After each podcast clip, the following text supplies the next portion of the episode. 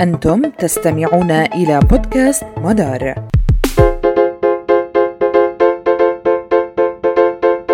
أهلا بكم من المركز الفلسطيني للدراسات الإسرائيلية، ونحن في حلقة جديدة من بودكاست مدار. من المؤكد أنه بعد انتهاء الحرب على قطاع غزة ستقام لجنة تحقيق داخل إسرائيل.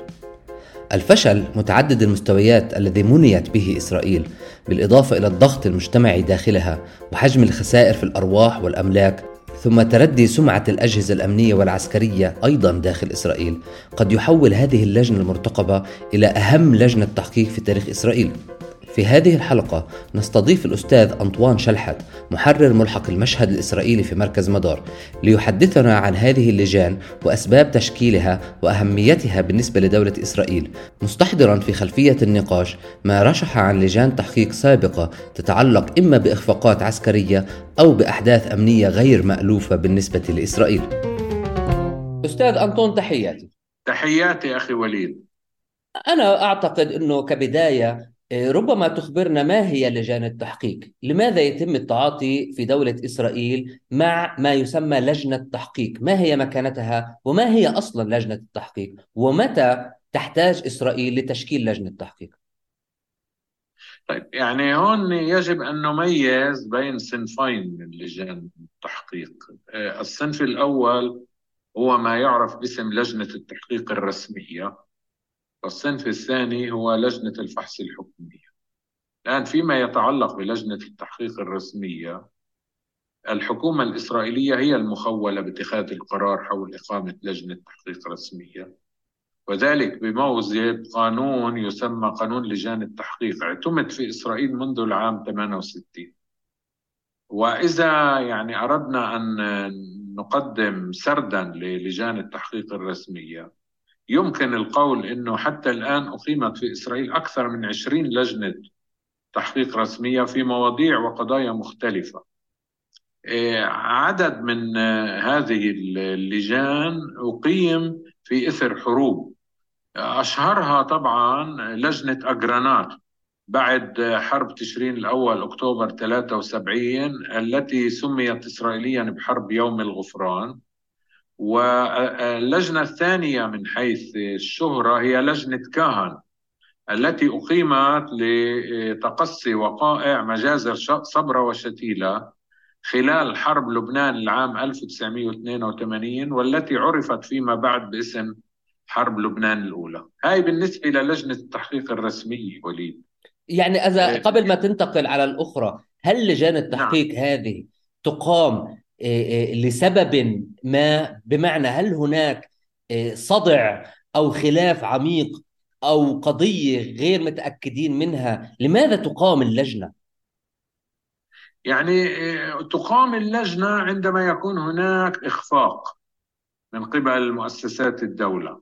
يعني إذا انطلقنا من الحديث عن لجان التحقيق الرسمية وتحدثنا عن اللجان التي حققت في قضايا تتعلق بالحروب. يعني لجنة أجرانات حققت في حرب تشرين الأول أكتوبر 73 أو حرب يوم الغفران. لأنه آه، تعلم يعني وليد أن هذه الحرب انطوت على إخفاق استراتيجي كبير. يعني حاليا ما حصل في 7 أكتوبر 2023 بتم مقارنته بها نعم.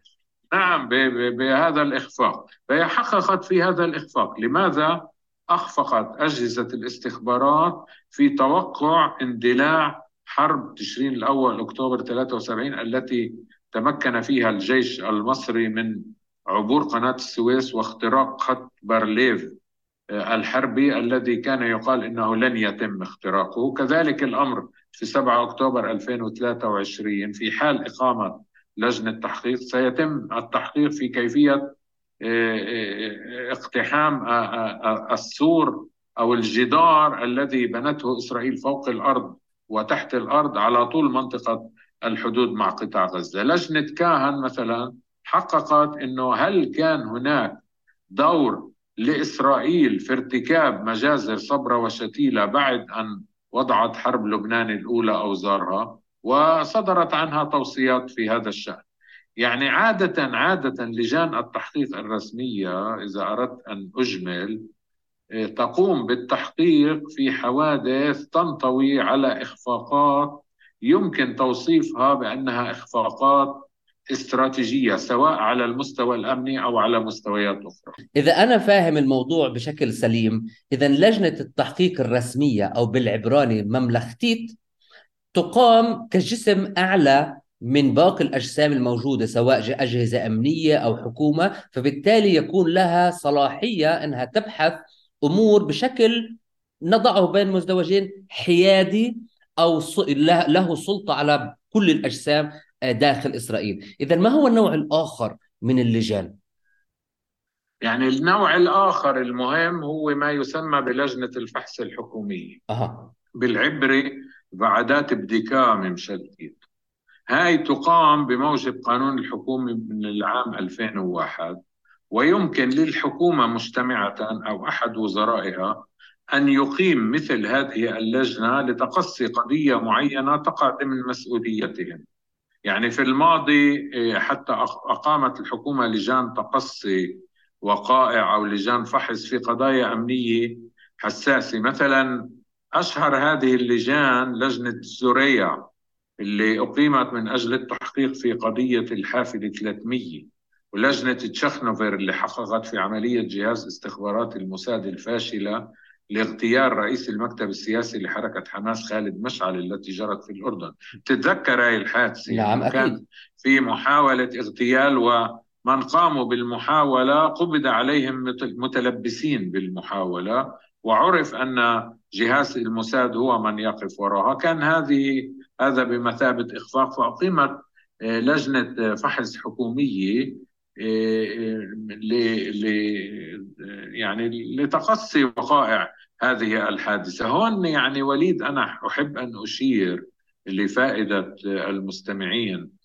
إنه يعني بالنسبة مثلا لحرب لبنان الثانية في عام 2006 بعد أن انتهت الحرب كان هناك مطالبات في إسرائيل بإقامة لجنة تحقيق رسمية نعم. ولكن الحكومة لم تستجب لهذا المطلب واكتفت بأن صادقت على إقامة لجنة فحص حكومية برئاسة القاضي المتقاعد الياهو فينوغراد. إذا بتتذكر أسميت ب نعم صحيح. لجنة لجنة فينوغراد, لجنة فينوغراد. بس في في لأنه كان يدور الحديث عن حرب ضارية منحت لجنة الفحص هذه جزءا من الصلاحيات المخولة للجنة التحقيق الرسمي. إذا هون هون يعني يخطر على بالي سؤال.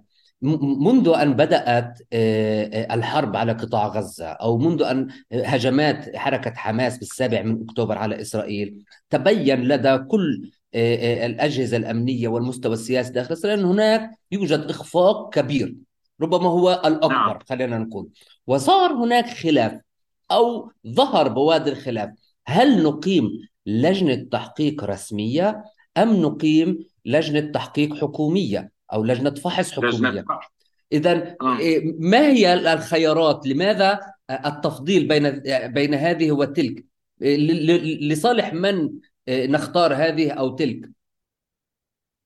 يعني اطلع صحيح إنه ما حدث في 7 أكتوبر اعتبر اخفاقا استراتيجيا في بعض التحليلات إنه أقصى بكثير من إخفاق أكتوبر 73 لأنه يعني بإيجاز شديد. إخفاق أكتوبر 73 كان عبارة عن فشل مني به قسم واحد من المؤسسة الاستخبارية اللي هو شعبة الاستخبارات العسكرية.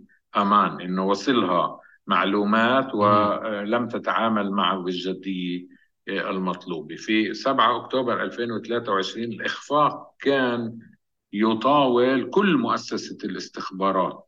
يعني الشباك والموساد وشعبة الاستخبارات العسكرية لذلك هو يعتبر إخفاقا ربما آه، متعدد المستويات وأيضا الجيش نعم أكثر قسوة من إخفاق 73 الآن طبعا هناك جدل إنه بعد أن تنتهي هذه الحرب سيصار إلى تعيين لجنة تحقيق أو لجنة فحص. حتى الآن يبدو أنه الاتجاه هو آه، نحو إقامة لجنة تحقيق رسمية. الآن لجنة التحقيق الرسمية وليد الحكومة مخولة فقط بأن تتخذ قرار إقامة اللجنة. بعد ذلك تحيل مسؤولية تشكيل اللجنة إلى رئيس المحكمة العليا. يعني أعضاء اللجنة يعينهم رئيس المحكمة العليا. نعم وعادة و... ما يرأسها قاضي. نعم رئاسة لجنة التحقيق الرسمي مش عادة يجب أن تسند إلى قاض إما يزاول عمله أو قاض متقاعد ينتدب من طرف المحكمة العليا ولذلك لضمان استقلالية اللجنة. عادة تتألف اللجنة من ثلاثة أعضاء في حالات خاصة ممكن أنه تكون عدد غير زوجي يزيد عن ثلاثة أعضاء. لجنة الفحص الحكومية خلافا لذلك يعينها رئيس الحكومة أو الوزير الذي قرر إقامة اللجنة. وهذا يعني يعني الفرق بين لجنة الفحص وبين لجنة التحقيق إنه بما إنه الحكومة أو الوزير يعينون اللجنة الثانية هذا يعني أن للحكومة تاثيرا مباشرا على هوية أعضاء اللجنة خلافا للجنة التحقيق الرسمية آه، التي يختار أعضاؤها طرف خارجي لا يشارك في الحكومة. يعني لذلك هناك جدل الآن. هل سيتم تعيين لجنة تحقيق رسمية أم سيتم تعيين لجنة فحص؟ أنا أظن إنه الاتجاه سيكون نحو تعيين لجنة تحقيق رسمية لأنه فعلا ما حدث في 7 أكتوبر هو حدث آه، متعدد المستويات على المستوى الاستراتيجي وقد يتطلب فعلا إقامة لجنة تحقيق رسمية. طب يعني مع ذلك لماذا تقام اللجنة؟ بمعنى يعني هل هي تقام حتى آه، تشخص أين كان الإخفاق وتوثقه آه، بالدلائل للتاريخ فقط أم أنها مثلا يمكن أن يرشح عن أعمال هذه اللجنة اتهامات واضحة وبالتالي الدخول في سياق محاكمة أشخاص أخفقوا آه، أم أن الموضوع طلع. فقط لماذا؟ طلع. هو الحقيقة أنه لجنة التحقيق الرسمية آه، تتميز بأن لديها لها صلاح صلاحيات واسعة مخولة لها حسب القانون. يعني مثلا هي بموجب هذه الصلاحيات يمكنها إلزام شهود بالمثول للشهادة وإبراز وثائق وقرائن أخرى. اللجنة مخولة أيضا بكل صلاحيات التي تتمتع بها محكمة هي أشبه بمحكمة. بما في ذلك فرض عقوبات إذا شهادة زور أو شهادة كاذبة.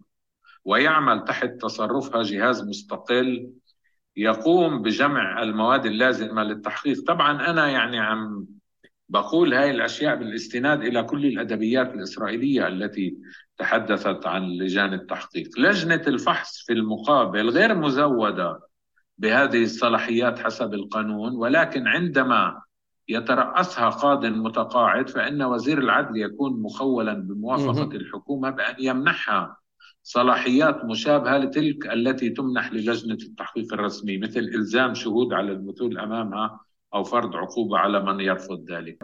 لذلك يعني ما يمكن قوله في إجمال هذه النقطة هو أن لجنة التحقيق الرسمية هي لجنة وازنة أكثر لديها صلاحيات أكثر ولذلك تقريرها وتوصياتها يكون لهما وقع أكبر على الحلبة السياسية والحلبة الأمنية.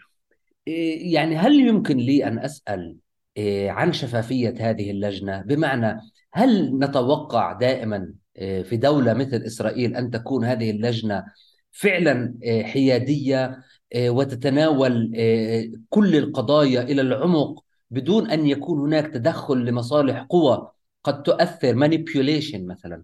قد تؤثر على سير أو نتائج هذه اللجنة؟ عن هذا السؤال لا يمكن أن أن أجيب بنعم أو لا مطلقة بالتأكيد هناك تأثير على اللجان. بس أنا بعتقد أنه لجنة لجان التحقيق الرسمية عادة يعني إيه، عندها قدر كبير من الوثوقية والموضوعية. بعدين هناك أمر آخر يتم أنه يعني مداولات لجنة التحقيق الرسمية عادة تجري بصورة علنية. طبعا اللجنة مخولة أن تجري نقاش كامل أو جزئي خلف أبواب مغلقة إذا كان هذا الأمر ضروريا للحفاظ على أمن الدولة أو علاقاتها الخارجية أو على مصلحة اقتصادية أو على طرق عمل سرية للمؤسسة الأمنية أو للحفاظ على حياة الناس. ولكن إجمالا إجمالا مداولات اللجنة تكون علنية. كذلك الأمر أنه القانون لا يحدد مدة زمنية لتقديم تقرير لجنة التحقيق الرسمية. يعني هو ما بيجي بيقول للجنة أنه أنت ملزمة أن تقدمي تقرير بعد ثلاثة أشهر. فاللجنة هي التي تقرر بشكل مستقل ما هي أولويات عملها وموعد تقديم تقريرها وهي التي تقرر فيما إذا ستقوم بنشر التقرير بشكل جزئي أو بأكمله، يعني هناك الكثير من لجان التحقيق التي نشرت تقارير جزئية، أما التقارير الكاملة فما تزال محفوظة طي السرية التامة وتعتبر من أسرار الدولة. يعني مثلا أنا أذكر لجنة فينوغراد التي تشكلت في أعقاب الحرب على لبنان عام 2006 نعم. وقد وضعت استخلاصات. وأذكر أن إيهود براك أيضا لعب دورا في تشكيل هذه اللجنة ليحقق آه، في قضية خطف ثلاث جنود إسرائيليين. وظلت آه، وأيضا يحقق في في في في في مسيرة التفاوض للإفراج عنهم في أعقاب الحرب. أعتقد إنه ظلت نتائج هذه اللجنة طي الكتمان وفي سرية تامة حتى اليوم. آه، سيما وإنه في أعقاب انتهاء هذه اللجنة من أعمالها كانت الحكومة الإسرائيلية على وشك أن تدخل في مفاوضات جديدة بالنسبة لقضية شليط في حينها. نعم صحيح. يعني فيما يتعلق بلجان التحقيق وإحنا ركزنا أكثر على لجنة التحقيق الرسميه لأنه يمكن أنت وأنا متفقين إنه الأرجح أن تقام لجنة تحقيق رسميه نعم صحيح. تنتهي الحرب على غزة. من ناحية مبدئية لا يوجد في القانون الإسرائيلي ما ينص على أن الحكومة ملزمة بقبول استنتاجات لجنة التحقيق الرسمية أو توصياتها. بصورة عامة لا يظهر اعتراض على الاستنتاجات الملموسة وإنما يدور الجدل أو الخلاف عادة على مكانة التوصيات هناك من يقول إن الحكومة ملزمة بقبول توصيات اللجنة. وقرار اللجنة برفض أو عدم تنفيذ توصيات اللجنة يجب أن يخضع للنقد والمراقبة القضائية. هناك من يعتقد أن مكانة لجنة التحقيق الرسمية يجب ألا تكون كمكانة محكمة ولذلك فإن توصياتها ليست ملزمة للحكومة بالإضافة إلى أنه لا يمكن للجنة رسمية معينة أن تملي على الحكومة أساليب وطرق عمل. المهم بالموضوع إنه لجنة التحقيق الرسمية يعني توصياتها غير ملزمة للحكومة ولكن بمجرد صدور التوصيات يكون هناك آه، ربما حالة ضغط إما من نفس المؤسسة أو من ألقاع نحو الاعلى من أجل تطبيق هذه التوصيات. ولكن يجب أن يشار هنا إلى أن أغلب هذه التوصيات لا تطبق بالكامل وسأقدم دليلا واحدا على ذلك. نعم. هو ما يتعلق بلجنة كاهن يعني بتذكر أنه لجنة كاهن حملت مسؤولية آه، مجزرة صبرا وشتيلة إلى عدد من القيادات الأمنية في مقدمتهم وزير الدفاع في حينه آه، آه، أرييل شارون. تذكر ذلك. نعم صحيح. آه وجاء في توصيات اللجنة أن اللجنة توصي بأن لا يشغل أرييل شارون منصب وزير الدفاع في أي حكومة مقبلة. ففي هاي كانت توصية لجنة كاهن اللي حققت في مجازر صبرا وشتيلة في يعني... حينه كاتب كاتب السيرة الذاتية لأرييل شارون اللي يعني قال إنه أنتم لا تريدون شارون وزيرا للدفاع سيفرض عليكم رئيسا للحكومة. يعني أنه, إنه اللجنة أوصت بأن لا يشغل منصب وزير الدفاع. ولكن رغم هذه التوصية تمكن شارون من أن يصبح رئيسا للحكومة إذا بتذكر. نعم يعني, يعني هذا و... هذا يفتح سؤال يعني هل لجان التحقيق الرسمية في هذه المكانة آه، التي تحظى بها آه، داخل دولة إسرائيل هل يعني توصياتها أو نتائجها قد تشكل مفترق طرق سياسي بمعنى صعود وهبوط آه، آه، تشكيلات حزبية معينة آه، صعود أو هبوط تيارات معينة؟ طبعا مرتبطة في قضية الإخفاق التي تحققت فيها.